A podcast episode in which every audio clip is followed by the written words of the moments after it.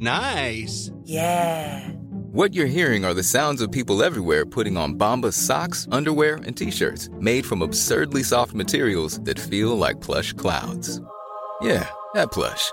And the best part? For every item you purchase, Bombas donates another to someone facing homelessness. Bombas. Big comfort for everyone. Go to bombas.com slash ACAST and use code ACAST for 20% off your first purchase. That's bombas.com slash ACAST. Code ACAST. There's never been a faster or easier way to start your weight loss journey than with PlushCare. PlushCare accepts most insurance plans and gives you online access to board-certified physicians who can prescribe FDA-approved weight loss medications like Wigovi and Zepbound for those who qualify. Take charge of your health and speak with a board-certified physician about a weight loss plan that's right for you. Get started today at plushcare.com slash weight loss. That's plushcare.com slash weight loss. plushcare.com slash weight loss. There's never been a faster or easier way to start your weight loss journey than with PlushCare. PlushCare accepts most insurance plans and gives you online access to board-certified physicians who can prescribe FDA-approved weight loss medications like Wigovi and Zepbound for those who qualify. Take charge of your health and speak with a board-certified physician about a weight loss plan that's right for you. Get started today at plushcare.com slash weight loss. That's plushcare.com slash weight loss. plushcare.com slash weight loss.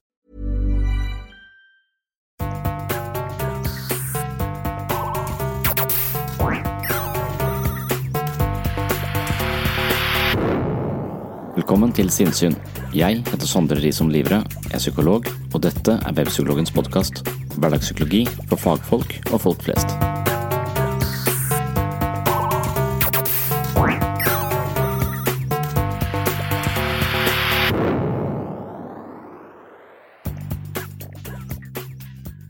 Siden 2017 har jeg skrevet på den tredje boka i trilogien om selvfølelse.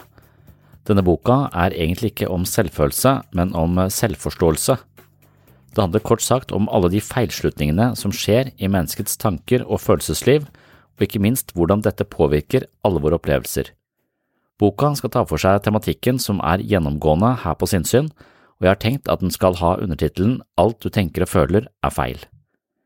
Muligens er denne boka allerede publisert når denne episoden går på lufta. I så fall håper jeg at du sjekker ut webpsykologen.no for å skaffe deg et eksemplar fra min nettbutikk. Tematikken i dag er hentet fra denne boka, og jeg skal begynne med et utdrag fra et kapittel om såkalte tankefeil eller feilslutninger. I andre segment skal du få høre litt mer om denne typen feilslutninger fra et foredrag jeg holdt for Human-Etisk Forbund i Arendal 22. januar 2020.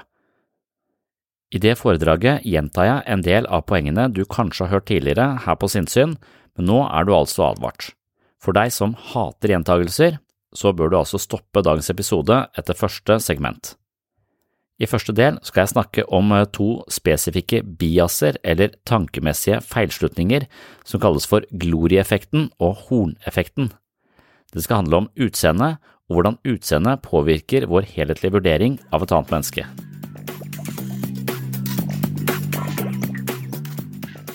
Now, let me tell you a little story about a boy I used to date in the fourth grade. He was very handsome. A tight little butt, big blue bedroom eyes. This was in the fourth grade? Well, he was left back a year. This guy was great. He was the most popular boy in the school. And then one day, he got glasses. And you liked him anyway. God, no, I dumped him right away. he looked like an idiot with those glasses. Everybody laughed at him. It ruined his life. I think he ended up in an institution or something. It's a sad story, I guess. I don't know.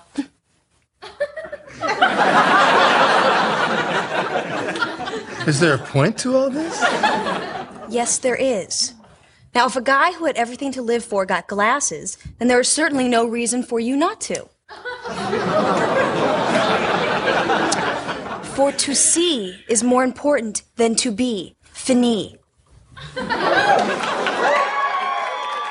De fleste av oss er opptatt av å presentere oss selv på en respektabel måte i møte med andre.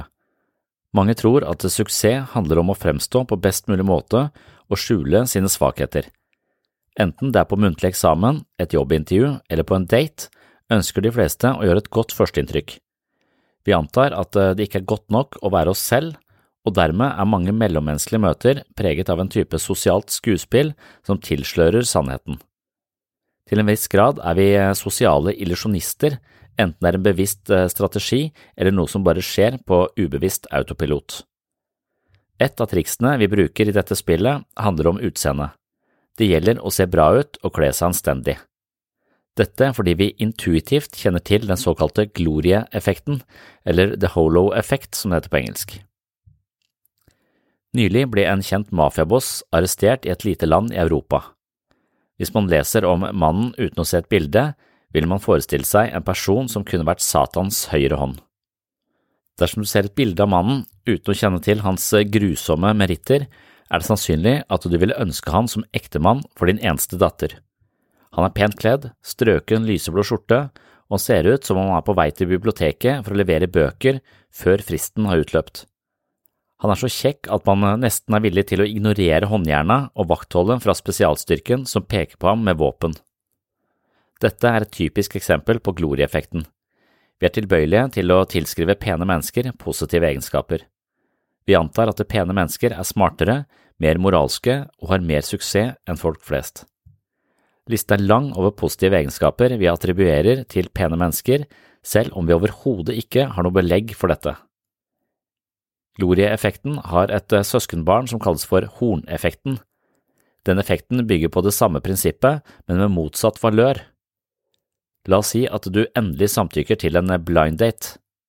Din venn vil at du skal gjøre deg opp eh, din egen mening, og forteller derfor ingenting om personen du skal møte. Du tar på deg ditt eh, beste antrekk og stiller opp på avtalt sted til avtalt tid. Da han kommer, får du lyst til å løpe i motsatt retning. Han har en slags klumpete og overdimensjonert fremtoning. Han ligner på en straffange. Stemmen hans er hes, og selv om han snakker om Freud og Sartre, er det umulig å forene et kriminelt utseende med akademiske meritter og intellektuell ettertenksomhet. Det oppstår en spenningstilstand mellom det du ser og det du hører denne mannen si, noe som også kalles for kognitiv dissonans, og på grunn av horneffekten heller du mot å kalle mannen for en lurendreier. Glorieeffekten er oppkalt etter glorien man ser over hodet på helgener fra middelalderen og renessansen. Det innebærer at vi på bakgrunn av én positiv egenskap generaliserer flere attraktive egenskaper til hele personen. Dersom vi for eksempel vurderer en person som pen av utseende, er vi tilbøyelige til å anta at personen er et eh, godt menneske på flere områder. En enkel egenskap påvirker altså hvordan vi bedømmer personen på helt andre områder. Horneffekten beskriver det samme med motsatt fortegn. Vi anser at en person har et mindre attraktivt utseende og henledes til å anta at vedkommende er lat, umoralsk, aggressiv, egoistisk, utilregnelig eller besitter andre negative egenskaper som på ingen måte har noe med utseendet å gjøre. Det er totalt irrasjonelt, men det forekommer hele tiden. Vi mener å se horn i panna på et eh, ukjent menneske og konkluderer med at det er djevelen. Problemet er at djevelen ikke finnes, men vi tror på ham likevel. Alt du tenker og føler om et annet menneske kan altså være feil. Det var den amerikanske psykologen Edward eh, Thorndike som omtalte glorieffekten første gang i 1920. Ved University of Michigan var det psykologene Richard Nisbeth og Timothy Wilson som utførte det som siden har blitt en klassisk studie av glorieffekten. De samlet 118 eh, studenter og lot de se et eh, videointervju med en foreleser. Halvparten av studentene fikk se en foreleser som fremsto som sympatisk, entusiastisk og oppriktig interessert i studentene.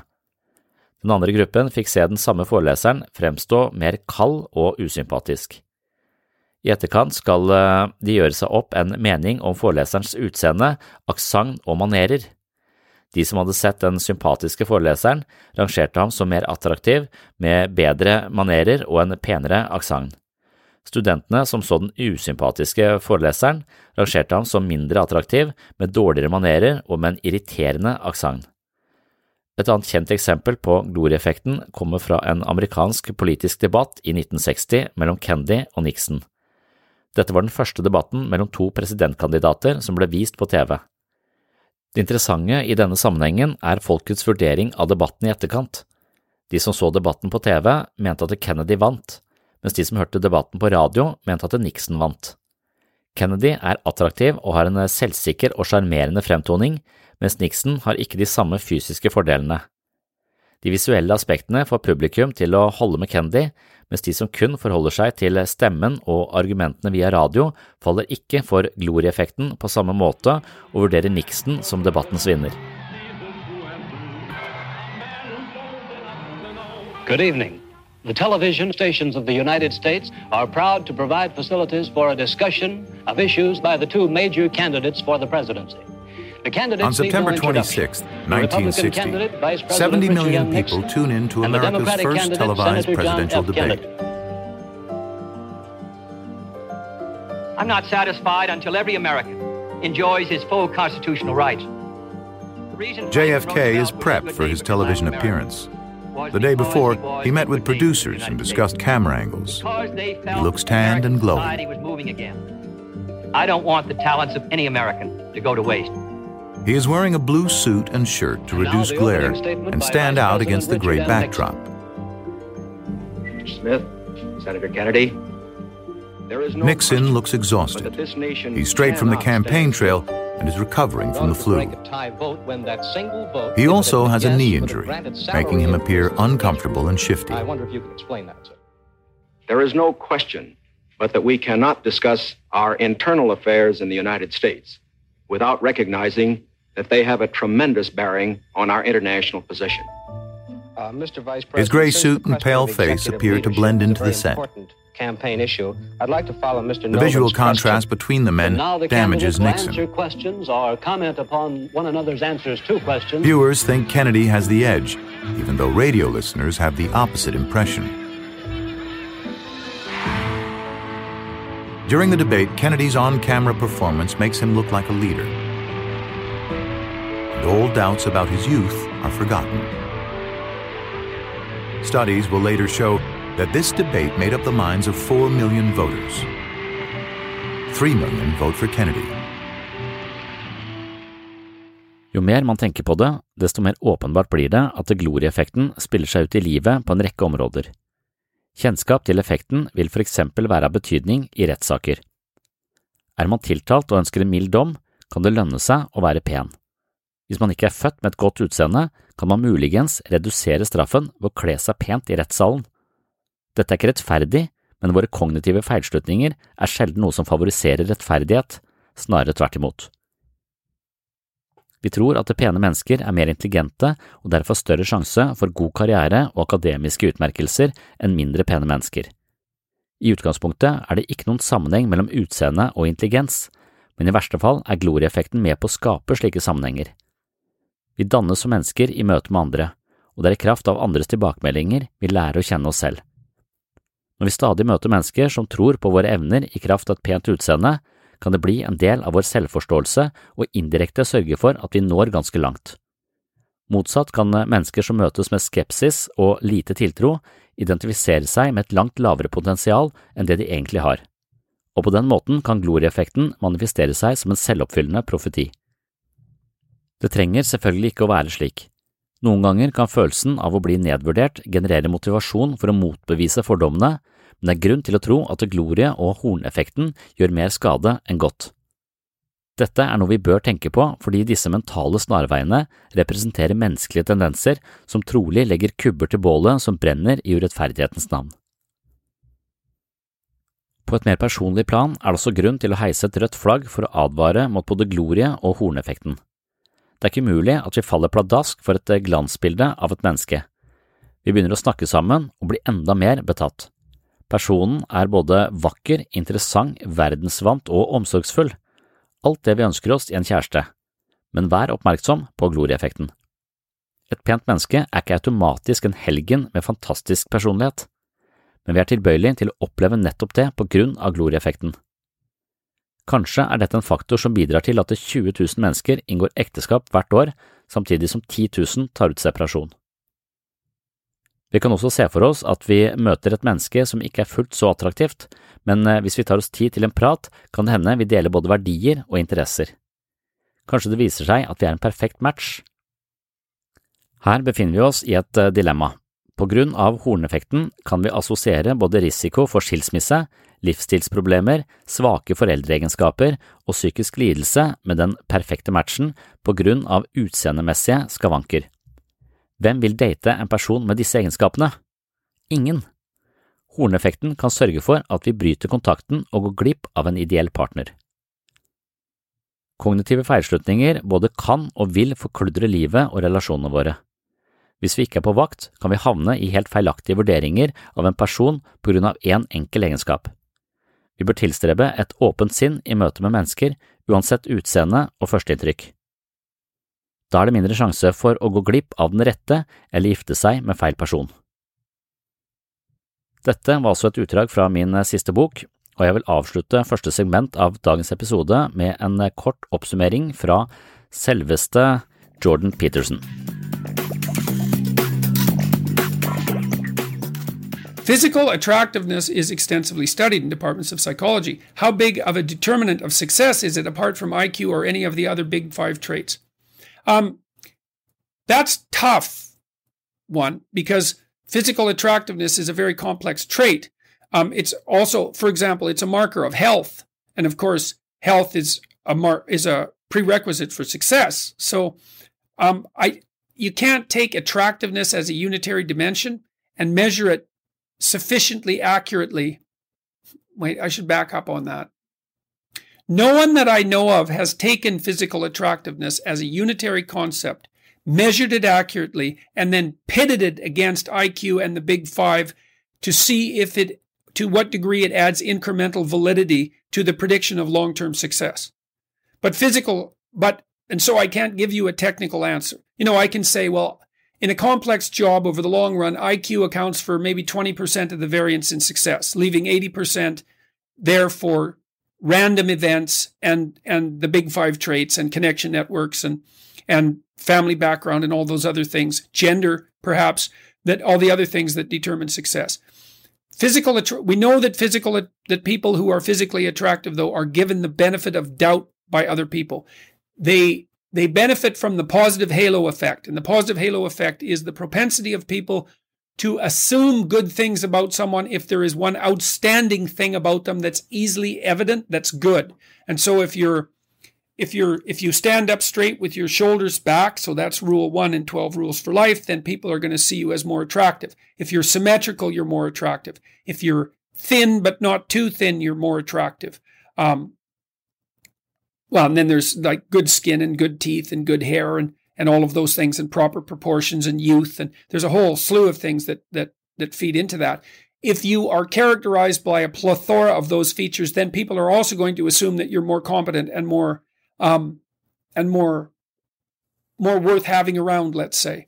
But the problem is is that you are. So separating out the attractiveness from the things the attractiveness are is correlated with is very hard. That's why you have to do multivariate analysis. That's multivariable analysis in any complex social science because a lot of these traits overlap. So, but you know, you can you can there's there's some some things you can do about that. Postural adjustment is helpful. To work out with weights, that's extraordinarily helpful. That that increases improves your posture and makes you more confident and and and and and at, and you can dress reasonably well and intelligently and um, all of those things to to help yourself capitalize on whatever attractiveness you can muster.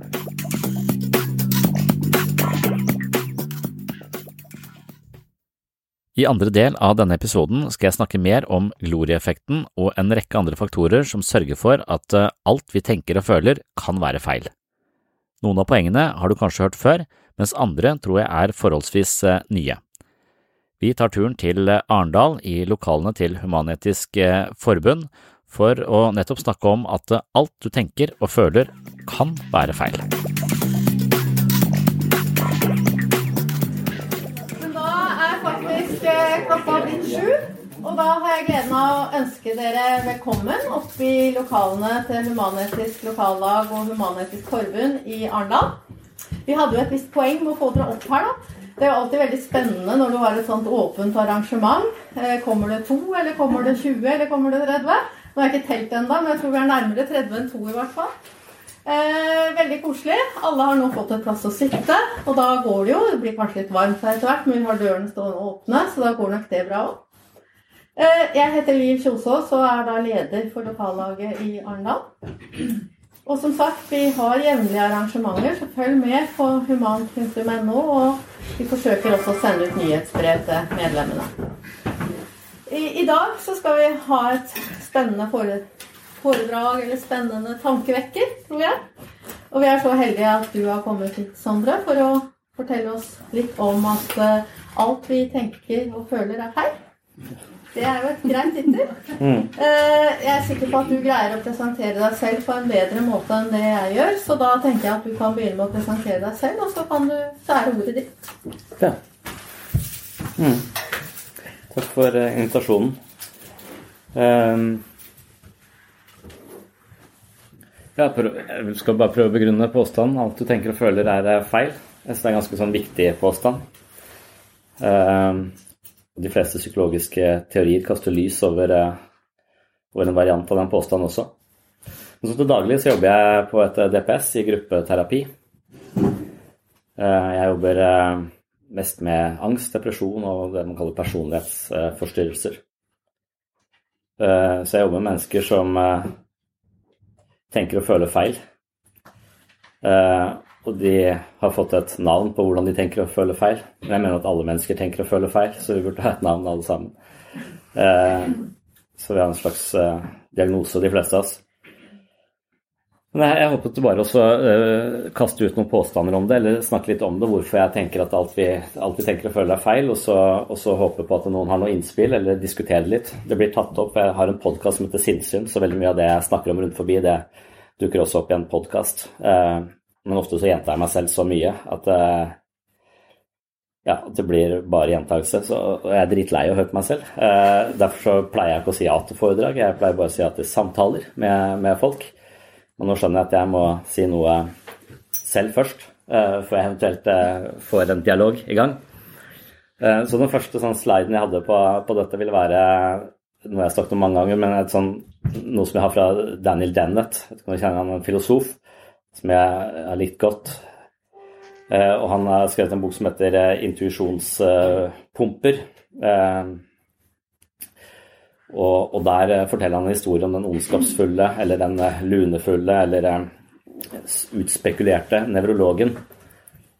Og dette er en, en, en type teknikk som den nevrologen jobber med, hvor han Skal vi finne en plass til det står en sånn uh, kontorstol uti der.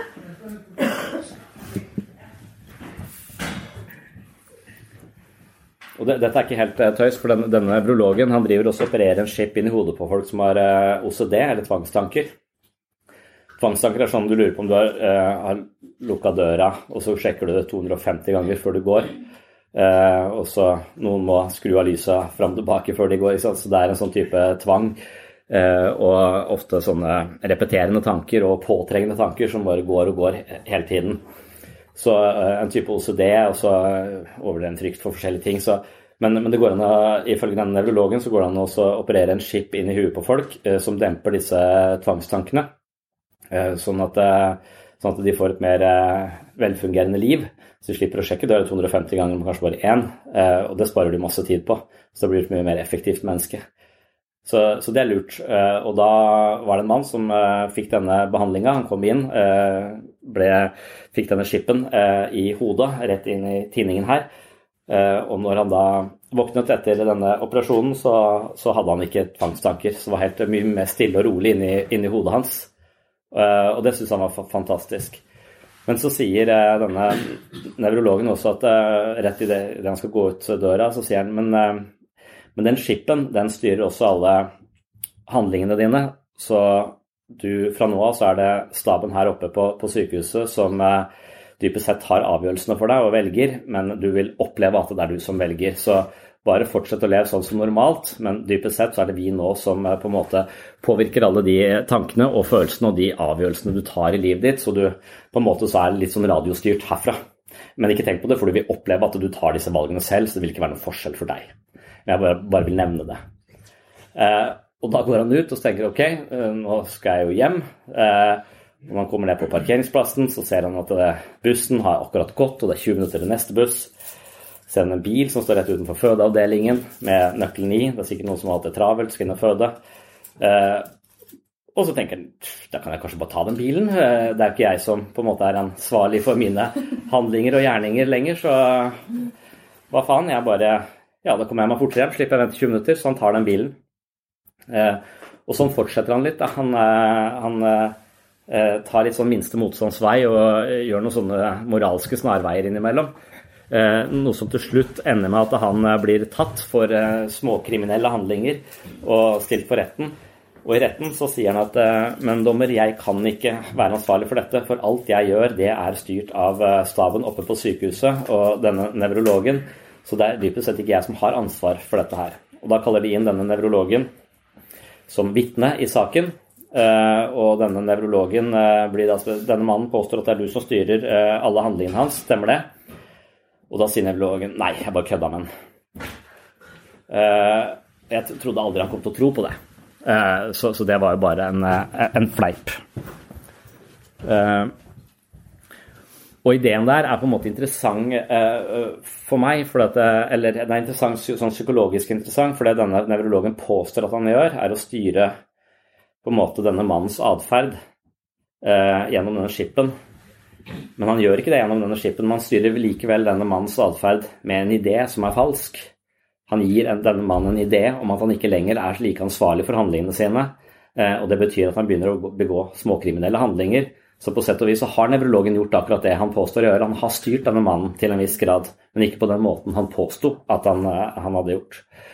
Eh, og, og, dermed så Denne mannen burde jo skjønt at alt du tenker og føler er feil, eller vært, vært litt kritisk eh, eh, til dette her, men det er han ikke. Han tror på tankene sine, han tror på nevrologen, og dermed så blir han en sånn småkriminell eh, eh variant av seg selv. Hadde ikke nevrologen sagt dette, så hadde ikke denne mannen stjålet denne bilen, for han er en mann som har en høy moral, og han ville egentlig ikke vært en, en, en kjeltring, eller gjort seg til kjeltring for sånne småting. Eh, så, så dermed så har denne nevrologen installert en idé i hodet på han som, eh, som gjør han eh, kriminell. Og det, det syns jeg og det, det, er vel sånn vi fungerer alle sammen. Vi har ideer som vi handler uh, ut ifra, og veldig ofte så er de, er, kan vi være skråsikre på de ideene. Men de ideene er ikke nødvendigvis eh, alltid eh, et eh, veldig korrekt bilde av virkeligheten, og veldig ofte bare et lite utsnitt av virkeligheten. Så når jeg sier alt du tenker og føler er feil, så er det på en måte en selvfølgelighet. For at vi, vi opplever jo aldri virkeligheten sånn som den egentlig er. Vi filtrerer jo alle våre opplevelser av verden via vårt eget mentale operativsystem som alltid vil farge alle opplevelsene våre ut ifra våre ideer, våre erfaringer, våre følelser, uh, humør. Alt kommer til å farge måten vi ser verden på, og dermed så vil den aldri være en, uh, en absolutt refleksjon av virkeligheten på noen måte. Uh, og, og, Daniel Dennett driver og krangler med, med Sam Harris om fri vilje, som er en sånn sentral debatt, noe som ofte er de kristne sitt sånn hovedargument for at de bør tro på Gud. Fordi at mennesket er eh, skapt i Guds bilde og også gjort eh, ansvarlig for sine handlinger. Derfor så har vi en fri vilje. Hadde vi ikke hatt en fri vilje, så hadde vi vært en nikkedukke, en annen programmert robot som gjør akkurat det Gud vil. Eller eh, sånn som determinismen sier, at vi Sånn som, sånn som Sam Harris mener, så vi, vi, vi opplever at vi har en fri vilje, men vi har dypest sett ikke en fri vilje. Alt vi gjør, er et resultat av noe vi har erfart, noe som har skjedd med oss, som ikke vi har kontroll på. Så det er som et slags biljardbord. da. Alt vi foretar oss, alt vi gjør, det kommer som et resultat av tusenvis av andre biljardkuler som har sparka mot oss, og som vi ikke har kontroll på, som ikke engang husker eller vet om, og som ligger i et eller annet ubevisst repertoar her, som sørger for at jeg sier akkurat denne setningen akkurat nå på akkurat denne måten. Jeg kunne ikke sagt det på noen annen måte, for det vil alltid komme til å bli denne måten jeg sier det på i dette sekundet her sånn. Eh, så, da, så, så, det at jeg tenker etterpå at jeg burde sagt det annerledes, det kunne jeg aldri. Den, den, typen tanke er også en slags forvirring av denne ideen om at vi har en, eh, har en fri vilje. Så Sam Harris mener jo at vi ikke har en eh, fri vilje, men at vi er mer eller mindre determinerte eh, i alt vi foretar oss. Eh, de kristne mener at eh, vi har en eh, fri vilje fordi Gud har nettopp gitt oss denne frie viljen, blåst inn i nesa på Adam, sånn at vi eh, og, og, Grunnen er at vi skal kunne velge Han, vi skal kunne velge Gud, og vi skal kunne velge det onde. Men vi har også mulighet til å velge det, det riktige, men det er opp til oss. Så, der, så, så, grunnen til at det er ondskap i verden, er fordi at vi velger faenskap sjøl. Så det er på våre skuldre, liksom. Så, så det er den fri vilje-greia. Og, og, jeg kan være på en måte tilbøyelig til å være enig med Sam Harris, selv når jeg leser den boka hans Fri vilje, og tenker at ja, vi har jo dypest sett ikke noe fri vilje. Det er helt irrasjonelt å tro at et menneske skiller seg fra resten av naturen, som alt foregår på en type årsak-virkning. At vi skulle være så veldig mye annerledes, kan kunne på en måte heve oss over denne årsak-virkning-dynamikken som gjelder alt annet på, på, planeten.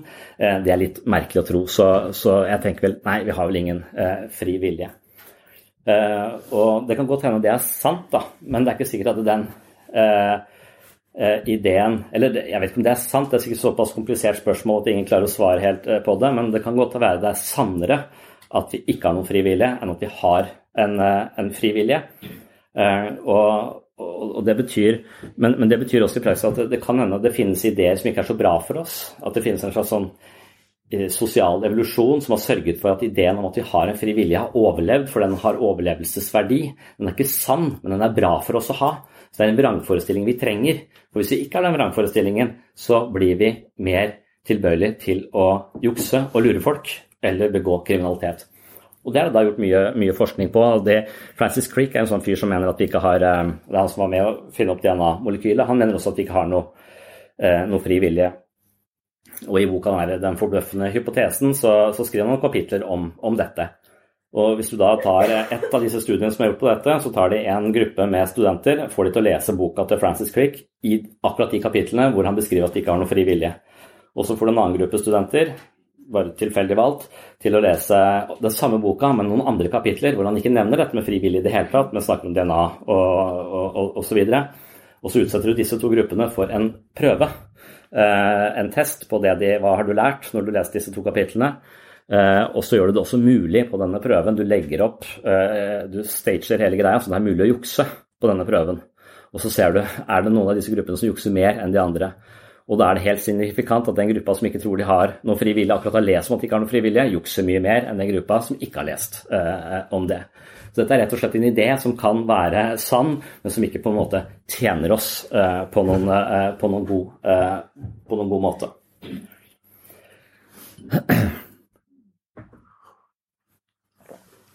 Så sånn sett så kan det være et argument for å, for å tro på Gud, da.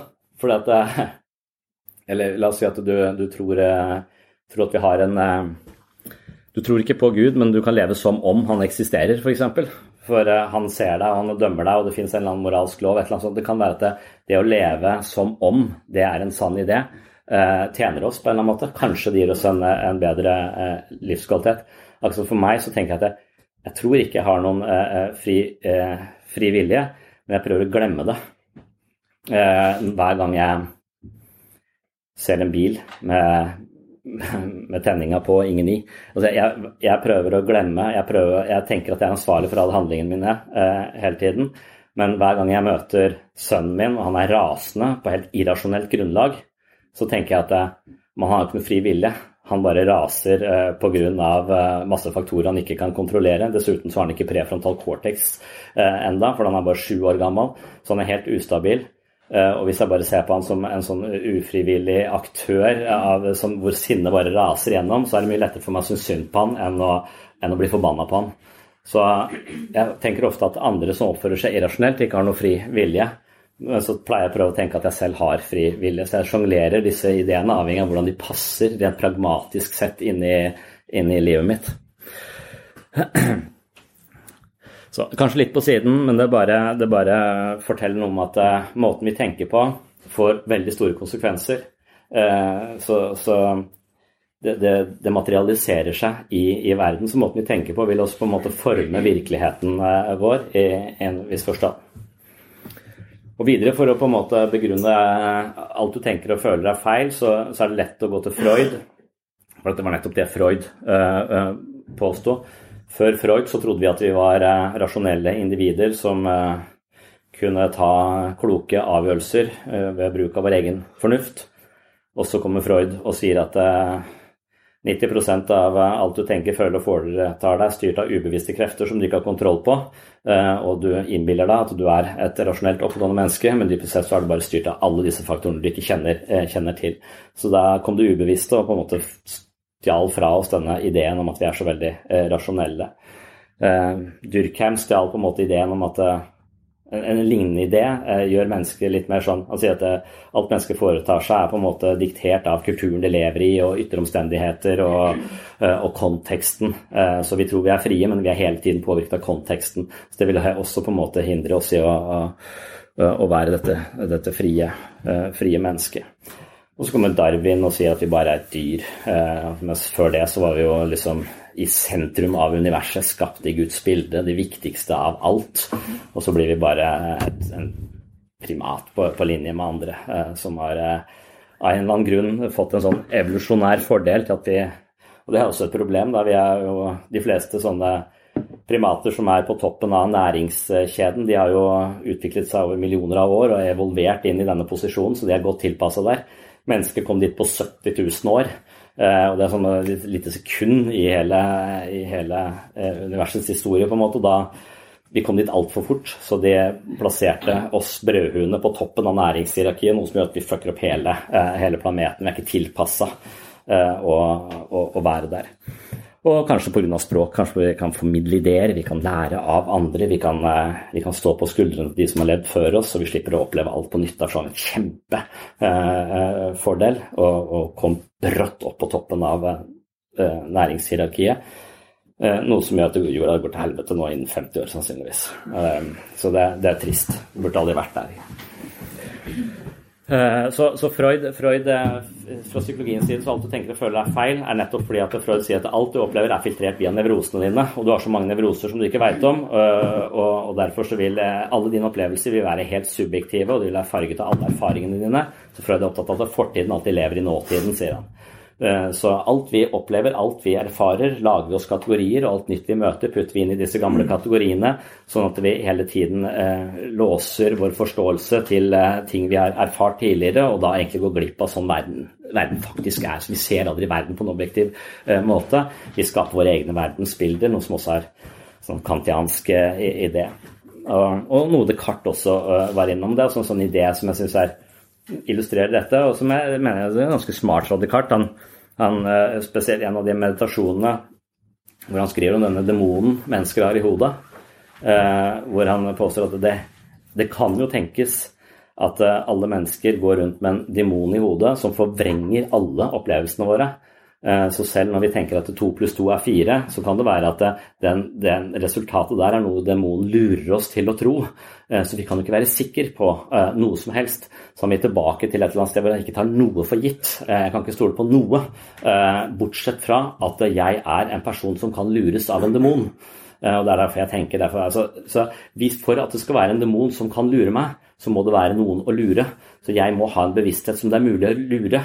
Det er ikke noe vits i å lure noe som ikke er noe. Eh, på en måte. Så Derfor tar jeg det som grunn. Jeg er et eh, tenkende vesen som kan eh, bli lurt. Og alt jeg opplever, det kan potensielt sett være feil. Og dermed så begynner han den mest radikale skeptikeren ever. Han tviler på alt. Og, og det, det, tenker jeg på en måte kan være en litt sånn smart, et smart utgangspunkt. Jeg liker det utgangspunktet fordi jeg mener at jeg i min hverdag møter fundamentalister hele tiden. Eh, folk som tror på tankene og følelsene sine, og de menneskene jeg møter, de tror bare på tankene og følelsene i den forstand at jeg er udugelig, jeg er mindre verdt enn alle andre, eh, ingen elsker meg, det er bedre at jeg dør for alle rundt meg. De har sånne ideer som de tror fullt og fast på, og de er mer eller mindre fundamentalistisk opptatt av at disse ideene er sanne. Så jeg prøver å formidle til de at alt du tenker og føler, er, eh, er feil. Du kan ikke stole på disse ideene. Uh, og, og, da blir de bare forvirra og jeg føler de blir mer forstyrra og forbanna.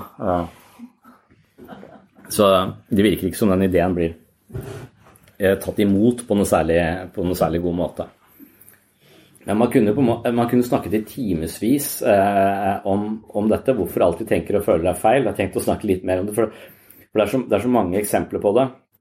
Og for, for, det første så har, har psyken et forsvarsverk som på en måte sørger for at vi ikke lider følelsesmessig overlast, noe som betyr at vi hele tiden forvrenger virkelighetsoppfattelsen vår litt, for, sånn at det, vår opplevelse av oss selv skal henge på greip, eller vi skal føle en type sammenheng, eller at vi skal unngå følelser som er så uh, vonde og vanskelige at vi, at vi går, til, går, til, grunne på dem. Så, så, vi har et forsvarsverk, et psykisk forsvar, som ofte forvrenger opplevelsen vår av, uh, av verden. Og jo mer følelsesmessig pressa vi er, jo mer forvrenger vi uh, virkeligheten. tydeligst når du på en måte er på ditt mest primitive, så vil en del av de følelsene du selv er ansvarlig for, som du ikke orker å ta ansvar for, de vil du oppleve at kommer fra andre. Så du legger de ut på andre. Så, så mitt eksempel er vært når hvis jeg våkner på søndag morgen og, og, er dritsur, så tenker jeg på meg Min sannhet er at jeg er en person som aldri er sur, jeg er alltid ganske blid. Og, og, da vil det være eh, naturlig for meg å tenke at siden det er så dårlig stemning her, så er det kona mi eh, eh som går rundt og gnåler. Eh, men egentlig så går hun bare rundt og plystrer og virker som hun er i ganske godt humør. Men jeg spør likevel, jeg syns du virker litt sur i dag. Og, og, det er der når jeg gjør det tre ganger eh, på rad, at hun da faktisk blir sur. Og den følelsen som egentlig stammer fra meg, den plasserer jeg over henne, og nå er hun blitt sur. Så min opplevelse av at noen andre enn meg er sure, som ikke egentlig var sant, for det var jeg som var sur. Jeg tar ikke ansvar for følelsen, jeg legger den ut på noen andre. Det blir også en sannhet. Sånn blir verden. Nå er hun sur, og jeg har gjort henne, eh, henne sur. Så jeg, med min opplevelse, med mitt manglende ansvar for egne følelser, kan jeg forme verden rundt meg uh, også. Eh, så, så, forsvarssystemet vårt er altså sånt, en, en, type måte vi hele tiden forvrenger virkelighetsbildene våre, og, og det forstyrrer det, det mellommenneskelige. Jo mer primitive vi er, jo mindre ansvar eh, vi tar, jo lettere for oss er det å, å få et forvrengt bilde av andre mennesker og oss sjøl, og det forstyrrer relasjonene. Eh, så, så, du har et helt sånn eh, spekter av 30 ulike forsvarsmekanismer som viser oss hvorfor eh, vi bør også være kritiske til, til våre egne opplevelser pga. vårt eget psykiske forsvar. Og så har du i tillegg en del en andre ting som relaterer seg litt til det, som er sånn kognitivt orientert. At vi har en hel med tankefeil eh, som vi begår hele tiden, og sørger for at vi ikke opplever eh, verden på en spesielt eh, korrekt måte heller. Og og det, er så mange av de også. Jeg tror det er sånn 250 forskjellige typer tankefeil eh, som, som, forstyrrer eh, oppfattelsesevnen vår. Eh, som gjør at alt vi tenker og føler er feil. Eh, og, og den, I siste så har jeg vært opptatt av, av noe som heter glorieffekten. Eh, og horneffekten. Eh, for det er effekter jeg akkurat har gått i sjøl. Altså, og den glorieffekten handler om at vi ut ifra å møte et menneske ser et karaktertrekk ved det mennesket. Og hvis det er et positivt karaktertrekk, så utleder vi at det har veldig masse andre eh, tilhørende positive karaktertrekk. Og det mest naturlige for oss er å se utseendet først. Så hvis vi ser et pent utseende, så tilskriver dette mennesket masse gode kvaliteter som det ikke nødvendigvis har. Eh, og, motsatt horneffekten, eh, altså man har horn, hvis du møter et menneske som eh, ikke er like symmetrisk eller tilfredsstiller eh, samfunnets krav til hva som er pent og ikke pent der og da, eller dine egne preferanser, så vil du kanskje tilskrive dette mennesket dårlige kvaliteter. Vi vil si at Pene mennesker tror vi er bedre foreldre, f.eks. For eksempel. så, så, så, uten å vite så mye annet enn utseendet, så tilskriver vi mennesker ganske mange, mange, mange egenskaper. Høye mennesker, f.eks., har vi veldig tiltro til. Eh, det var en Hva het han presidenten som var så høy? Han var stein stokk dum. Altså, det er jo så, så, så, så, på en eller annen måte så, møter vi mennesker som er, eh, som er høye, så, har vi en eller annen sånn iboende tendens til å tenke at de, de, vet bedre, og at de har masse gode, eh, gode kvaliteter. Og det er en måte vi, vi, misforstår, vi misforstår, mennesker på. Mm. Det er også noe som heter Eh, en annen sånn tankefeil vi gjør, det er eh, Dunning-Kruger. Uh, Dunning-Kruger-effekten. Som ble oppdaget på slutten av 90-tallet, eller beskrevet av Dunning-Kruger og en annen. som, som handler om at at mennesker har en tendens Mennesker som er inkompetente, har en tendens til å overvurdere evnene sine og kompetansen sin. Mens mennesker som er veldig kompetente, de har en tendens til å undervurdere kompetansen sin. Eh, så det er sånn at mennesker som bare har lest én bok om noe, de tror de har skjønt alt, og de roper høyest, og de får, eh, får en sånn tydelig stemme eh, i, i samfunnet. Mens de menneskene som har lest eh, først én bok, men så lest 30-40 andre og studert dette og har 100 vekttall eh, på det feltet, de har veldig problemer med å uttale seg om, eh, om, dette området. For det er så mange nyanser, det er så vanskelig å si noe generelt sett om dette her. Så de holder ofte kjeft, og så er de veldig usikre på om de egentlig vet noe som helst om dette her. Eh, så jo mer du vet om noe, jo mer usikker blir du på å uttale deg om det. Og da får vi altså mennesker som eh, Da får vi en verden som bor på Mount Stupid.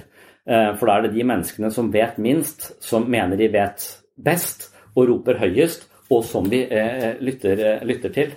Og det er også et, et slags sånn problem. Og disse menneskene bør jo, de har ikke da innsikt i at alt du tenker og føler er feil. Det er ikke nødvendigvis feil, men det er bare så innmari lite nyansert, og du vet så bitte lite om dette området. Så det at du på en måte overdriver denne kompetansen din så, så veldig, det gir også andre et falskt bilde av, av, det, av, av verden. Så, så, så, det er også et, et sånt, en typisk ting som er som gjør at jeg alltid tenker hvor, hvor, det er godt å ha en holdning som tenker alt du tenker og føler er feil.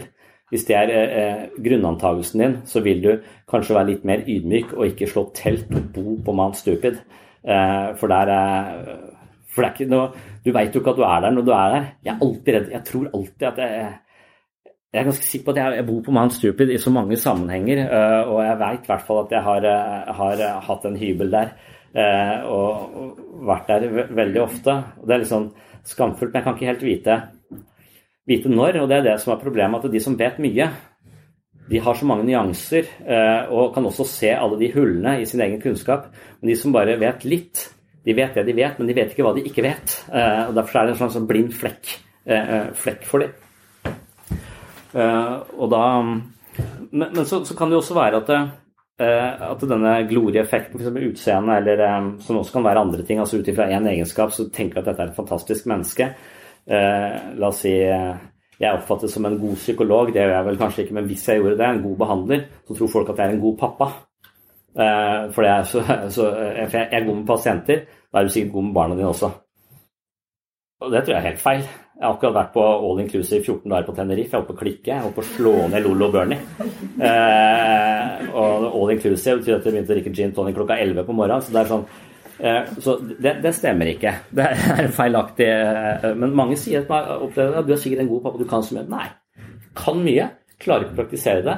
Derfor er det verre. For jeg er den dårligste av de alle, for jeg veit hvordan det burde gjøres, men jeg gjør det ikke.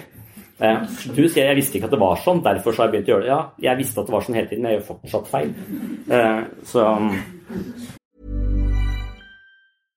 Hiring for your small business? If you're not looking for professionals on LinkedIn, you're looking in the wrong place. That's like looking for your car keys in a fish tank. LinkedIn helps you hire professionals you can't find anywhere else, even those who aren't actively searching for a new job but might be open to the perfect role. In a given month, over 70% of LinkedIn users don't even visit other leading job sites. So start looking in the right place. With LinkedIn, you can hire professionals like a professional. Post your free job on linkedin.com slash people today. A lot can happen in three years, like a chatbot may be your new best friend. But what won't change? Needing health insurance. United Healthcare Tri Term Medical Plans, underwritten by Golden Rule Insurance Company, offer flexible, budget friendly coverage that lasts nearly three years in some states. Learn more at uh1.com. There's never been a faster or easier way to start your weight loss journey than with PlushCare. PlushCare accepts most insurance plans and gives you online access to board certified physicians who can prescribe FDA approved weight loss medications like Wigovi and Zepbound for those who qualify.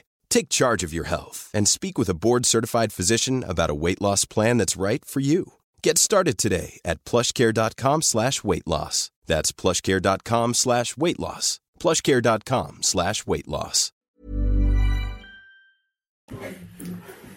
Men, men alle disse, disse effektene, glorieeffektene, tilskriver noen mennesker egenskaper de egentlig ikke, eh, ikke har, eller eh, Dunning-Kruger osv. Så, videre. så kan det være at det, det å være litt på Mount Stupid betyr også at du kanskje får en stemme og det kan være at den eh, stemmen blir hørt, og at du blir sett opp til, og du får masse positive tilbakemeldinger som gjør at du beveger deg videre og leser litt mer og faktisk kommer et annet, eh, annet sted. Eller hvis noen oppfatter meg på en bestemt måte, eller pene mennesker blir behandlet som om de eh, har masse gode egenskaper, så kan det være akkurat i den måten å se dem på, så får de også masse gode egenskaper. Det utvikles det som på en måte Det vi ser, og det vi tilskriver de, det blir de litt også. For det er jo litt sånn at de formes i møte med andre mennesker. Hvis vi har masse forventninger på oss og masse måter å, å bli sett på, så tror jeg kanskje det er med på å skape oss til de menneskene vi er. Så på sett og vis så kan det være da kanskje en fordel å se bra ut. Eh, eller ha en eller annen veldig positiv egenskap som folk ser og forventer mer av deg. For det kan jo også bli en, eh, en virkelighet. Så igjen så så la oss si at jeg tror jeg kan veldig masse om psykologi, og så kan jeg egentlig bare nesten eh, eh ingenting. Men pga. Eh, min eh, Dunning-Kruger-effekt og tanken om at jeg kan så veldig mye og er ekspert på dette, eh, gjør at folk behandler meg som en ekspert, og så blir jeg bare bedre og bedre, for det stimulerer meg, og det gir meg et eh, godt selvbilde, og jeg blir tryggere på meg selv, jeg blir flinkere til å formidle. Så alt sammen er egentlig ikke sant. Jeg kan egentlig ikke så mye, men jeg, folk oppfører seg som om jeg gjør det, og jeg tenker selv at jeg gjør det, og dermed så blir det en type en, en, type virkelighet. Og da vil det jo være litt dumt å tenke at alt jeg føler og tenker er, er feil. For hvis jeg avslører denne Kruger-effekten hos meg selv, så blir jeg kanskje helt taus, sier aldri mer, trekker meg unna, føler meg inkompetent, blir deprimert og, og burer meg inne. Og blir en enda dårligere pappa. Så, så, så, så det, er, det, er, spørsmålet er sannheten alltid best, eller, eller vil du, hvis du oppdager sannheten hos deg selv, vil du da vil være som Ibsen sier, at eh, hvis du tar livsløgnen fra folk, så tar du også Hva sier han? Livs... Hva, hva er det han sier da, egentlig? Hvis du tar livsløgnen fra dem, så tar du også livsgleden, eller eh, ja, livsgleden? Ja. Livskraften? Ja. Livsgleden. Ja. ja. ja. Så, eh, så, så, så, for meg så er det interessant å kjenne til alle disse tankefellene. Alle disse det kalles jo bias, eh, måter å se ting på. For, for dypest sett så tenker jeg at idet vi forstår alle tankefellene, så er det mulig å gå litt unna de. Eh, og det kan jo være lurt hvis du f.eks. skal finne en partner. Og, og, da er det fullstendig fanget av glorieffekten. Du ser et eller annet veldig pent og tilskriver det masse, masse positive egenskaper. Og så er du gift i tre måneder, og så skjønner du Oi, helsike. her bomma jeg. Eh, eh, så, sånn at det så, så, så rikere. Så det kan jo være, være, lurt å kjenne til sånne Eller ha en slags kritisk eh, holdning til sin egen oppfattelse av, av, ting. Og tenke litt etter hva er det egentlig som, det egentlig som foregår her. Og det er også sånn En annet eksempel Jeg hører mye på en podkast som heter Very Bad Wizards, og han ene eh, verten i den podkasten. Han er eh, ekspert på den følelsen av disgust. Eh, den følelsen når vi vemmes eh, over noe. Ehm, og, og, et av de forsknings, eh, eller et av de studiene han har gjort, det er også, eh, også finne ut om uh, f.eks. når folk vemmes, vil det påvirke holdningene deres? vil de tenke annerledes om noe? og det viser seg at når du vemmes, så vil du politisk sett går mer ut mot høyre og blir mer konservativ eh, og fremmedfiendtlig. Eh, mens eh, hvis du ikke vemmes, så er du mer tilbøyelig til å, å, å gå mot venstre og være mer åpen og liberal. Så studiene er på den måten at du skal svare på 250 spørsmål om politikk i et rom som lukter blomster og, og godt og er veldig fint osv. Og da svarer folk i utgangspunktet der de er, da, i utgangspunktet forholdsvis mer, mer ut mot det liberale. Hvis du stiller de samme folka de samme spørsmåla en stund seinere, og det er så mange spørsmål de kan ikke huske hva de har svart, og det lukter søppel i rommet, så ser man at de politiske holdningene deres går over til en mer konservativ eh, eh. Altså, igjen, alt du tenker og føler er feil. altså Måten du svarer på disse spørsmålene din holdning til hele verdenspolitikken, er styrt av hvordan det lukter akkurat her og nå. Og det er ikke det eneste som styrer uh, hva, hva, du eventuelt vil stemme ved et valg.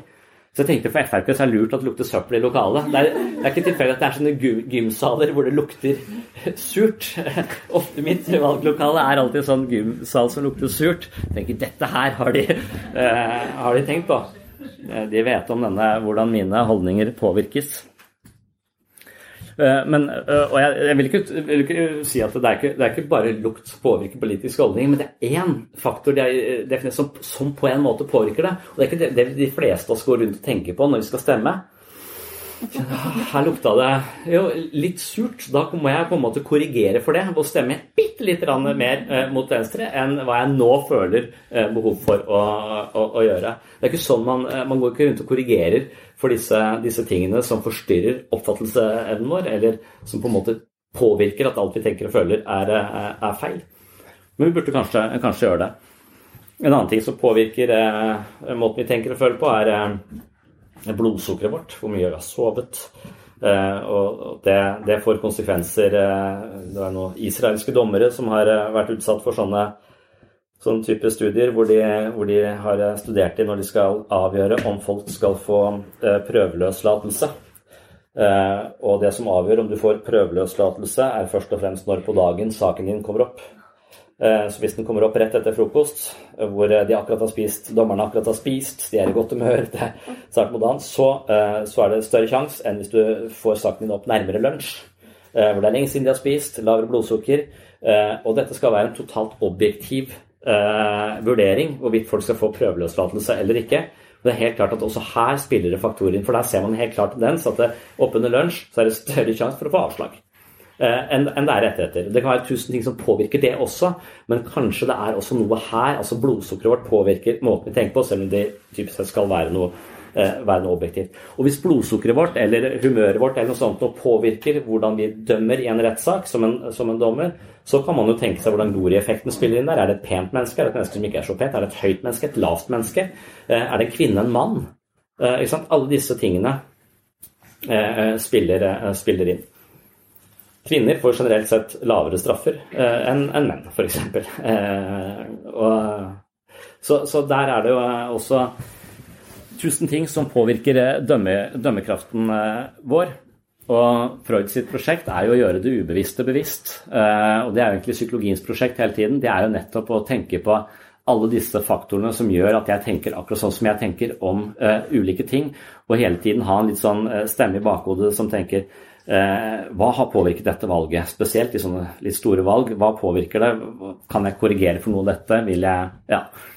Det å lodde dybden i seg selv da, og, og, og forstå, seg, eh, forstå, seg, selv og, og, avsløre noen av disse, disse, faktorene som er med på å påvirke eh, livet vårt. Og det er ikke sikkert at man trenger det hvis man føler at livet går på skinner og alt er, alt er greit. Men det er hvis vi f.eks. sliter med type angst, depresjon eller har en eller annen uh, type relasjonell problematikk eller noe, så, så og går rundt og tenker at uh, ja, Det er ikke så rart at det er vanskelig for meg å være meg når alle folk er rasshøl. Uh, det er jo noe som går rundt og, tenker. Så da kan man ha sånn huskeregel at hvis du går ut om morgen og møter et rasshøl, så kan det være det er et rasshøl. Hvis du møter tre rasshøl, så er du rasshølet. Og det er da du må begynne å undersøke. Uh, hva er det jeg gjør, og, og hva er det jeg så, For da tenker du og føler feil, og de fleste gjør jo uh, gjør det. da.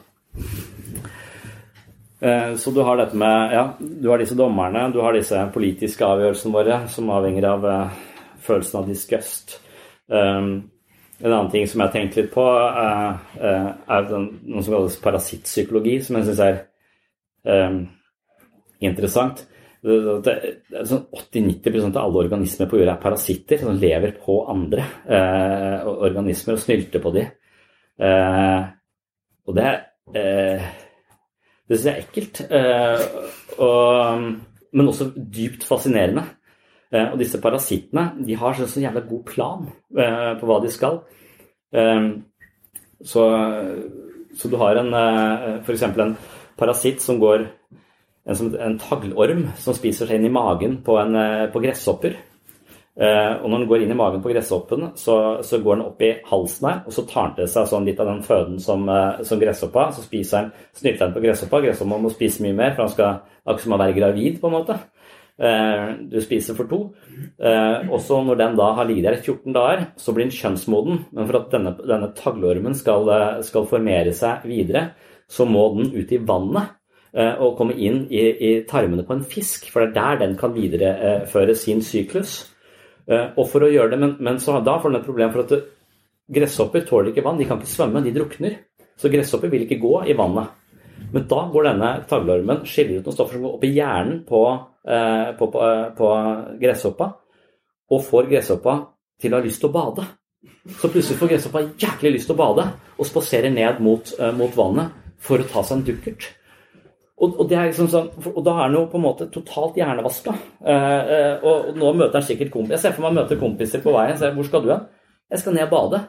Har klikka helt for deg? Vet ikke du at du er en gresshoppe? Du kan ikke svømme, du kommer til å dø. Nei, nei, nei, men jeg er sikker på det går fint. Det har vi prøvd i det siste. Jeg tror jeg er bare så sugen på et bad. Og så går den gresshoppa ned for å bade, dør og blir spist av, av fisk. Så det er noen innsjøer i Japan hvor 80 av føden til fiskene i, denne, i denne innsjøen er suicidale gresshopper. Eh, eh, og da kan du i hvert fall begynne å tenke om at alt du tenker og føler, er feil. Og, og, og, og på en måte så er det litt sånn jeg opplever å møte mennesker, som om de er sånne Timmy gresshopper som har en taglorm i huet. Jeg kan, jeg, jeg kan møte mennesker som kommer i, i behandling, er dypt eh, deprimerte og vil ha det bedre, og snakker med meg om det og sier at ok, du tenker på en måte som er eh, destruktiv for deg. Du har alltid opplevd kritikk, eh, så du ser på deg selv på en negativ måte. Så du har en feil oppfattelse av deg selv. Du har tatt det andre mennesker sier for god fisk. Nå tror du at du er dårligere enn andre. La oss se på det. Vi endrer litt på operativsystemet ditt. Men selv om du endrer på operativsystemet ditt, så har også denne depresjonen gjort at du ikke har beveget deg på to år. Så du er nødt til å begynne uh, å trene. Og dessuten så er du nødt til å begynne å spise annerledes, for du spiser bare junkfood hele dagen. Så hvis ikke du begynner å spise gulrøtter, så vil heller ikke depresjonen din gå over. Så du er nødt til å gjøre det, det, uh, og så må vi se på operativsystemene uh, deres. Og veldig ofte så kommer de i terapi, men de gjør ingenting av det andre. De begynner ikke å bevege seg. Jeg sier hvis du ikke beveger deg, så blir du bare værende deprimert. Det er en langsom måte å dø på. Det er ikke sånn at det bare er sånn Ja, ja, alle sier det er bra å trene. Hvis ikke du trener, spiser annerledes i tillegg til å gå her, så går du kommer, livet ditt er nå meningsløst. Du opplever mer og mer meningsløshet, og du bare kommer til å råtne på rot hvis ikke du gjør noen av disse tingene. De gjør det ikke likevel. Men det er ikke så fort som Timmy. Timmy drukner jo umiddelbart. Men det de driver med, det er bare å ikke gjøre det de bør over veldig lang tid, til de eventuelt dør. Uh, og det er liksom Hva skjer? Jeg har jo fortalt deg at du dør av dette. Uh, og, og, all forskning kan bevise det. Se her. Se på alle disse tingene som beviser at du er nødt til å endre deg på denne måten for å overleve meningsløsheten. Uh, men, men, men, det gjør det ikke. Så jeg opplever litt at mennesker av og til har taglormer i, i, hodet. Og, så tenker jeg selv at jeg kanskje har taglormer i hodet. Og noen ganger så bruker jeg det som unnskyldning. og og det det er, fordi at jeg har nemlig lest at, um, at um, denne toxoplasmose gonder, uh, som er i katter uh, Og jeg har alltid hatt katt, jeg har levd med katt hele livet. Um, det er en, en, en liten rakker som uh, toxoplasmose gondi som liker seg i tarmene til katten. Det er der den trives. Men når katten bæsjer, så detter den ut. Det liker den ikke. Så da vil den tilbake inn i, inn i, katten. Måten den gjør det på, er at bæsjen til katten den blir ofte snust på av rotter og mus, uh, mus, og sånn. Og da, når musa kommer for å snuse på den bæsjen, så går den på en måte, hopper den opp i musa. Eh, eh, for å, å, gå inn i musa. Og den tenkte altså fra musa så skal jeg komme inn i katt igjen. Og den går også opp i huet på musa og gjør at fryktresponsen til musa forsvinner. Sånn at musa blir mer sånn Oi, en katt! Det var spennende. Istedenfor Å, faen, en katt! De bør tenke Å, faen, en katt, men nå tenker de ikke det. For de er ikke redde lenger for katten. Blir så veldig breiale og går ut, møter katten, blir spist. Og så er, er denne tosoplasmose gondi tilbake i, i, i tarmsystemet til eh, katten, pluss at katten er mett. Så, så denne, denne, den, den samme, det er som denne, denne parasitten og, og, katten er på lag. Det, det, er et økosystem som funker, og det går utover musa. Men det går også utover mennesker. For den der parasitten er tilsynelatende ganske lur, men også litt dum. For den skjønner ikke den kan gå inn i alle varmblodige eh, eh, organismer. Altså, så den går også inn i mennesket. Og det viser seg at eh, menneskets fryktrespons også går ned. Vi, så, vi blir ikke sånn helt naive, men vi blir sånn at vi tar litt større risiko. Kjøre litt fortere, ta litt raskere forbikjøringer. For når du da ser på folk som på en måte stryker med i trafikken, så har de veldig ofte denne parasitten i seg. Um, så jeg har brukt det som uh, jeg, brukte det én gang da jeg akkurat det var veldig fascinerende. Så, uh, så var jeg på hytta med, med, sønnen min, han var fire år, og så tenkte jeg skulle prøve å dra han opp uh, på et sånn knebrett bak en, bak en båt. Eh, og Det var litt risikabelt prosjekt med en fireåring, men han, liksom, han har jo ikke fryktrespons. Så det er ikke utvikla ennå. Vet ikke om det er pga. denne parasitten eller hva det er, men han var med på det. Så vi kjører da med en 30 hester, eh, bånn gass ut, klarer å dra den opp, kjempefornøyd. Så jeg filmer det. Så dritbra. tenkte jeg å kjøre utover, og så kommer det en svær ferge forbi. da. Jeg tenker jeg smitter bare rundt den ferja med denne fireåringen. Vi rekker det akkurat, og så filmer jeg alt sammen, sånn på ferja også. Og så sender jeg det på, på melding til, eh, til kona mi. Altså, sjekk, han klarte det. Og så får jeg bare 'kom hjem' med sånn, sånn capslock-greie. Og, og, da skjønte jeg hun, hun er sint på en annen måte. Eh, og da skjønte jeg hvor forsvarlig er det å trekke han opp ut i sundet her når den ferja er på vei inn? Eh, hun mente det var totalt uforsvarlig. Og når hun sa det på den måten, så skjønte jeg det. Men da sa jeg pga. toksoplasmose gondii så kan jeg ikke ansvarliggjøres eh, for, denne, for denne handlingen. Fordi eh, jeg er besatt av parasitter. Eh, så jeg går inn og legger meg. Eh, og sover ut parasitten. Eh, men, men, men, bare det, det er fascinerende å tenke at avgjørelsene mine i trafikken kan være påvirket av en eller annen liten organisme inni hjernen min. Jeg liker ikke at det er organismer inni hjernen min. Jeg liker ikke tanke på det, men jeg liker det som unnskyldning. Jeg prøvde på politiet en gang også. Jeg ble tatt i, i trafikkontroll. Um, han aksepterte det heller ikke. Um, så, så, så, Nok et eksempel da, på at alt vi tenker og føler kan uh, potensielt sett uh, være i hvert fall uh, påvirket av så innmari mange faktorer som vi ikke veit om. Derfor er det lurt å alltid være litt, være litt skeptisk. Det er lurt å tenke litt som Descartes, at alt du tenker og føler kan være feil, eller på en måte påvirket av, av demoner. Jeg tror det gjør at vi ikke havner på på Mount eh, Stupid. Eh, og, og ja, jeg tror det, det, er på en måte også selve essensen av psykoterapi. Da. Det er jo å avsløre dine egne automatiske mønster som du gjør gang på gang du er vokst opp med kritikk, så du tiltrekkes kritiske personer, for da veit du hvem du er, og så, og så, henger du sammen med mennesker som behandler deg litt dårlig, for det er da du kjenner deg selv igjen. Hvis du møter mennesker som behandler deg bra, så, vet, så blir du utilpass, og du, du, liker ikke å få skryt, og du liker ikke at folk ser opp til deg. Det, derfor så unngår du de, mer eller mindre ubevisst. Så har du masse sånne mønster som styrer atferden din. Hvis du ikke oppdager det, så vil du gå rundt med kronisk lav selvfølelse.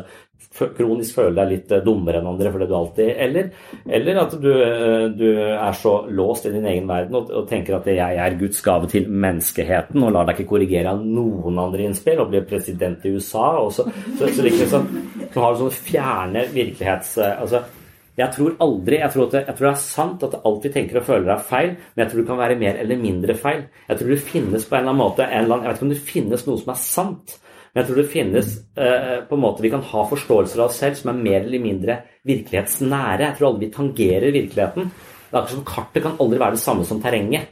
Altså, Vi har et kart, og hvis kartet er det samme som terrenget, så er det jo ikke noe kart. Så vi må alltid, de blir alltid som om det vi opplever av oss selv og, og verden blir aldri absolutt. Men jeg tror vi kan være mer eller mindre gode i vurderingen av oss selv og verden rundt oss ved å være litt kritiske til uh, oss selv og vårt eget, uh, vårt eget ståsted. Uh, og da tror jeg også du øker det som kalles mentaliseringsevne, altså evnen til å se seg selv og se sine egne følelser, hvordan de er, se sine egne tanker, hvor de, hvor de kommer fra, og hvor objektive de egentlig, egentlig er. Og Det er derfor psykoterapi ikke handler om å lære folk så mye, men det handler om å stille de spørsmål. Eh, for hvis du stiller et menneske istedenfor det du sier der er feil, da får vi en debatt, og det eneste du oppnår med den debatten, er at den andre Det har jeg gjort med kristne hele tiden. Jeg har prøvd også å motbevise at det de tror på, er feil. Og det eneste jeg oppnår med det, er at de er enda mer sikre på at de har rett eh, etter, en, etter hver eneste eh, debatt. Så så, så, da ser jeg at når vi kommer i diskusjoner, så blir jeg mer steil, de blir mer steil. Vi bare lager tjukkere vegger i vår egen virkelighetstunnel uten å lære noe som helst. Men hvis du spør folk, sånn som man bør gjøre i terapi, så spør du hele tiden folk hvordan kom du til å tenke akkurat det. Eh, jeg ser at du, du føler alltid sånn når du møter den type mennesker. Hva, hva, hva tenker du uh, om, om, de erfaringene du har gjort? Altså, hver gang du får et menneske til å beskrive seg selv, så må du gå ut av den virkelighetstunnelen det sitter i, og beskrive hvordan det ser ut her. Eh, og Det er på en måte det som er å vokse som menneske, at vi sitter jo i hver vår Platons lille hule, og det er ganske mørkt rundt oss. Vi har liksom vår forståelse. Mens hvis du da blir spurt om hvordan det ser ut der inne, så må du reise deg, gå litt tilbake og se litt rundt. Kanskje du må bruke en lykt til og med, og lage litt større eh, lyse litt rundt i måten du tenker på. og se at ah, Jeg tenker alltid sånn i disse situasjonene at jeg ikke får det til. Og det er fordi at jeg, på den situasjonen der så trodde jeg jeg var så god, og så dreit jeg meg ut. Og da rakna liksom alt for meg. Etterpå så har jeg tvil på min egen kompetanse på alt mulig. Og da generaliserer jeg det ut, og da er jeg nervøs for enhver prøvesituasjon. Og da driter jeg meg ut på hver prøve. Så du begynner å se og beskrive hvordan det ser ut inne hos deg. Så idet du beskriver tankene dine, idet du beskriver følelsene dine, så er du ikke fanget av det lenger. Når du er fanget av de, da, er det det som er operativsystemet. Du ser bare det.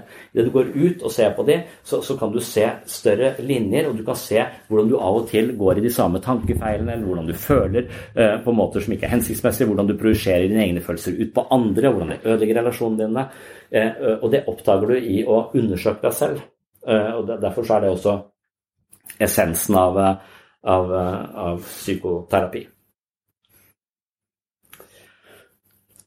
Så, eh, så, psykoterapi handler da om å, å, få en slags større selverkjennelse, som ikke gjør at vi kommer til å forstå oss selv på noen absolutt korrekt måte.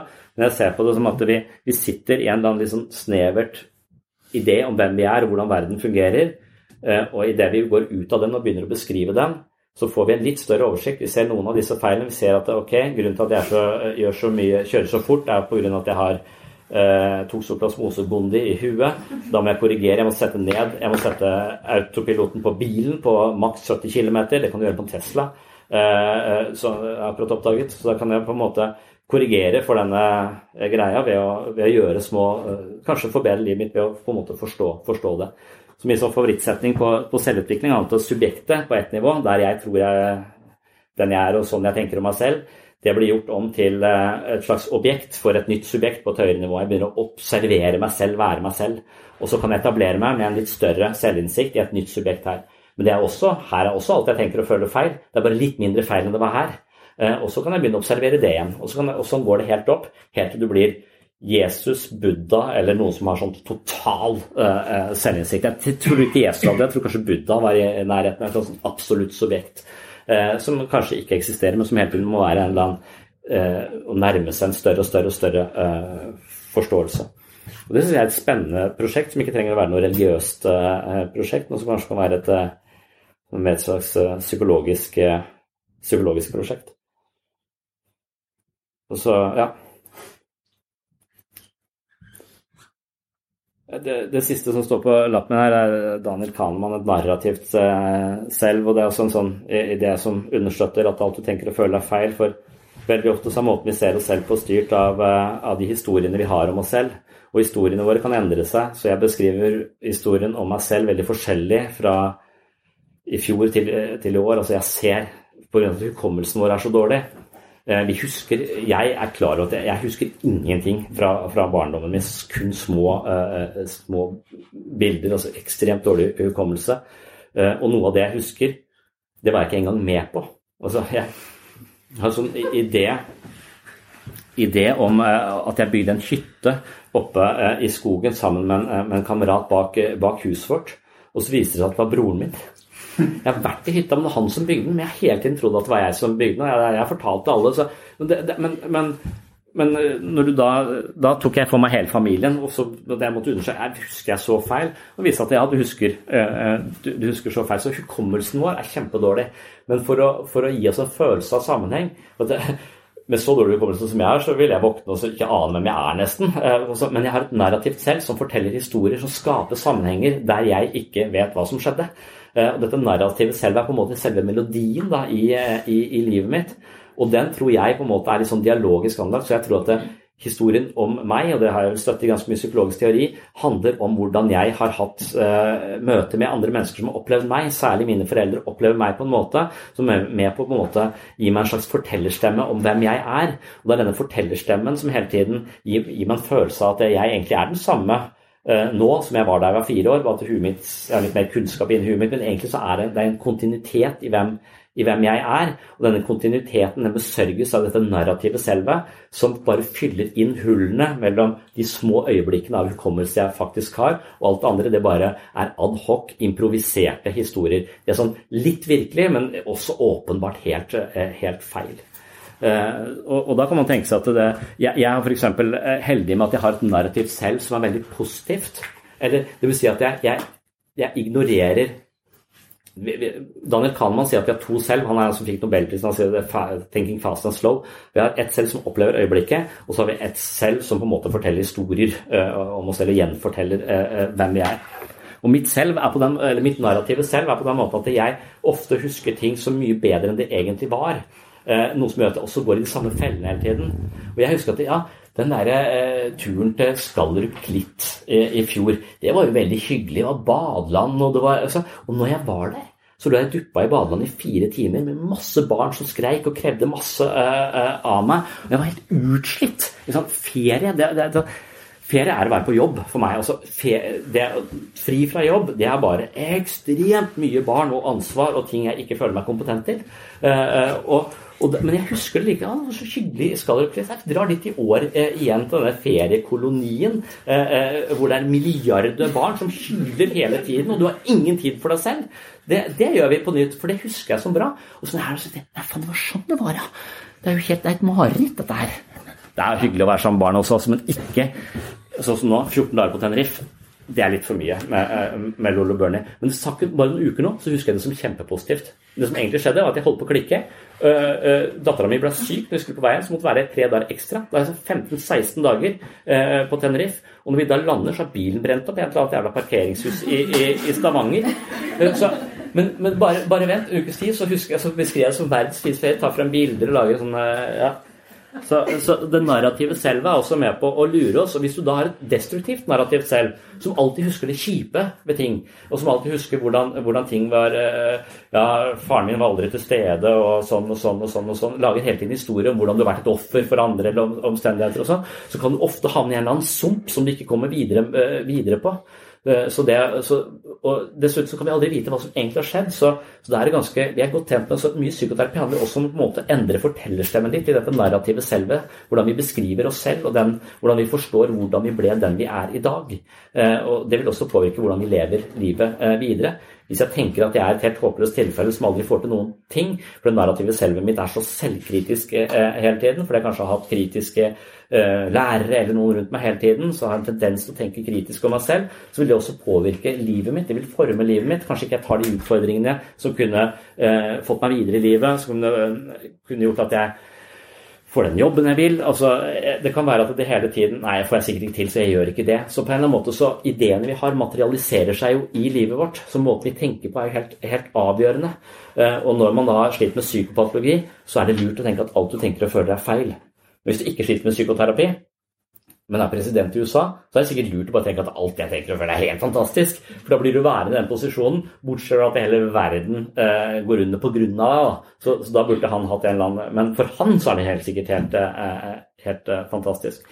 Men, eh, men, sannsynligvis så går han også glipp av noe. For de menneskene som er litt mer selvkritiske, litt mer ydmyke, de har ofte bedre relasjoner. Og det å ha gode relasjoner er omtrent det eneste som gir livet dybde og, og, og mening. Så forstå deg selv, vær selvkritisk fordi at du ofte gjør deg mer ydmyk. Det gjør deg i stand til å ikke bare tenke på deg selv og tro at du vet alt, men også lytte til andre og skape bedre, eh, bedre eh, relasjoner. Så, eh, så alle de relasjonene til sånne gulrotpresidenter er jo sannsynligvis bare styrt av frykt og, og, og usikkerhet. Så det, ja. I don't wanna be a human anymore. I'm done. I don't wanna have to feel anymore. He's one. I'm too old to change take my heart, no new start. Please just let me fall apart. You may say it's strange, but I quit. Guess that's it. For a human, I'm unfit. So make me a robot, make me a robot, make, make me cold. Make me a robot, make me a robot, take, take my soul. Jeg snakket som vanlig på både inn- og utpust eh, i eh, veldig lang tid, jeg tror nesten to timer i Arendal. Med andre ord så snakka jeg høl i huet på de folka som hadde stilt opp eh, i lokalene til Human-Etisk Forbund for å høre hvorfor alt du tenker og føler er feil. Jeg eh, måtte dele opp dette opptaket, så andre del det får du i, eh, ja, kanskje i neste episode allerede, hvor jeg fortsetter i samme spor, men jeg snakker litt mer om eh, hvilke tanker jeg har om mental trening. Jeg er jo klar over at jeg kan trene kroppen min, og jeg har sett skuespillere som går opp både 30 og 40 kilo for å spille spesifikke roller, jeg har også sett skuespillere gå ned dramatisk for å spille ulike episoder, så måten jeg håndterer eh, kroppen min på, vil påvirke den. Men jeg tror nok at eh, hjernen er ganske lik kroppen, så hjernen er også et organ vi kan trene opp til å bli mentalt sterkere, kanskje er det noe som heter mental kondis. Så når man snakker om eh, psykiske plager, så er det ikke sikkert at det er en lidelse eller en sykdom, men snarere litt dårlig mental kondis. Det er i hvert fall en, eh, det jeg synes er eh, interessant og en forståelse av psykisk helse som jeg liker veldig godt. Så i neste episode, hvis det blir nå i neste episode, så har jeg lyst til å snakke mer om mental trening og hvilke ulike treningsformer man kan praktisere for å få bedre mental kondis. Og Det blir da altså i, i, neste episode. Da kommer eh, andre del av eh, dette foredraget, men jeg kommer da til å innlede med noen eh, generelle tanker om, om konseptet mental trening. I don't wanna have to fight anymore, I'm tired. I don't wanna have to feel anymore, uninspired. I am too worn out, broken down on the ground. I'm too shy to make a sound. All I have is doubt. I don't care, you can stare, cause a human can't compare. So make me a robot, make me a robot, make, make me cold. Make me a robot, make me a robot, take Take my soul.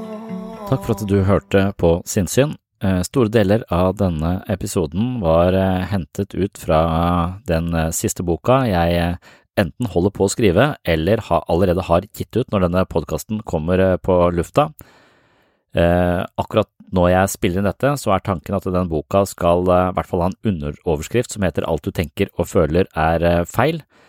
Men uh, akkurat tittelen er ikke helt uh, spikra ennå, men manus er nesten ferdig, og jeg er uh, per nå i dialog med Cappelen Dam for å diskutere en uh, utgivelse.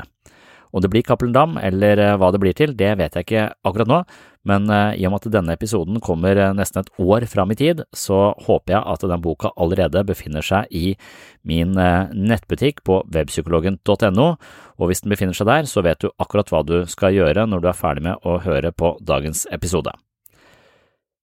Det var det jeg hadde for denne gang. Følg med i neste episode hvis du vil ha med deg andre del av dette foredraget om alt du tenker og føler er feil, og noen flere tanker om eh, det jeg av og til kaller for et mentalt treningsstudio. Heng med, og på gjenhør!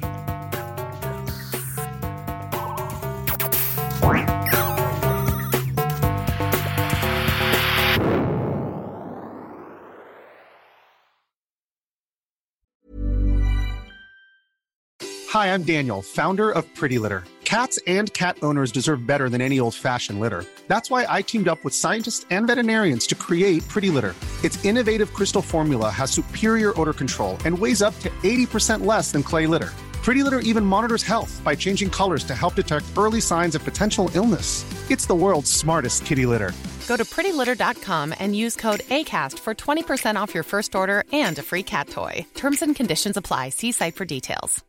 Want flexibility? Take yoga. Want flexibility with your health insurance? Check out United Healthcare Insurance Plans. Underwritten by Golden Rule Insurance Company, they offer flexible, budget friendly medical, dental, and vision coverage that may be right for you. More at uh1.com. Mom deserves the best, and there's no better place to shop for Mother's Day than Whole Foods Market. They're your destination for unbeatable savings, from premium gifts to show-stopping flowers and irresistible desserts. Start by saving 33% with Prime on all body care and candles. Then get a 15-stem bunch of tulips for just $9.99 each with Prime. Round out Mom's menu with festive rosé, irresistible berry chantilly cake, and more special treats. Come celebrate Mother's Day at Whole Foods Market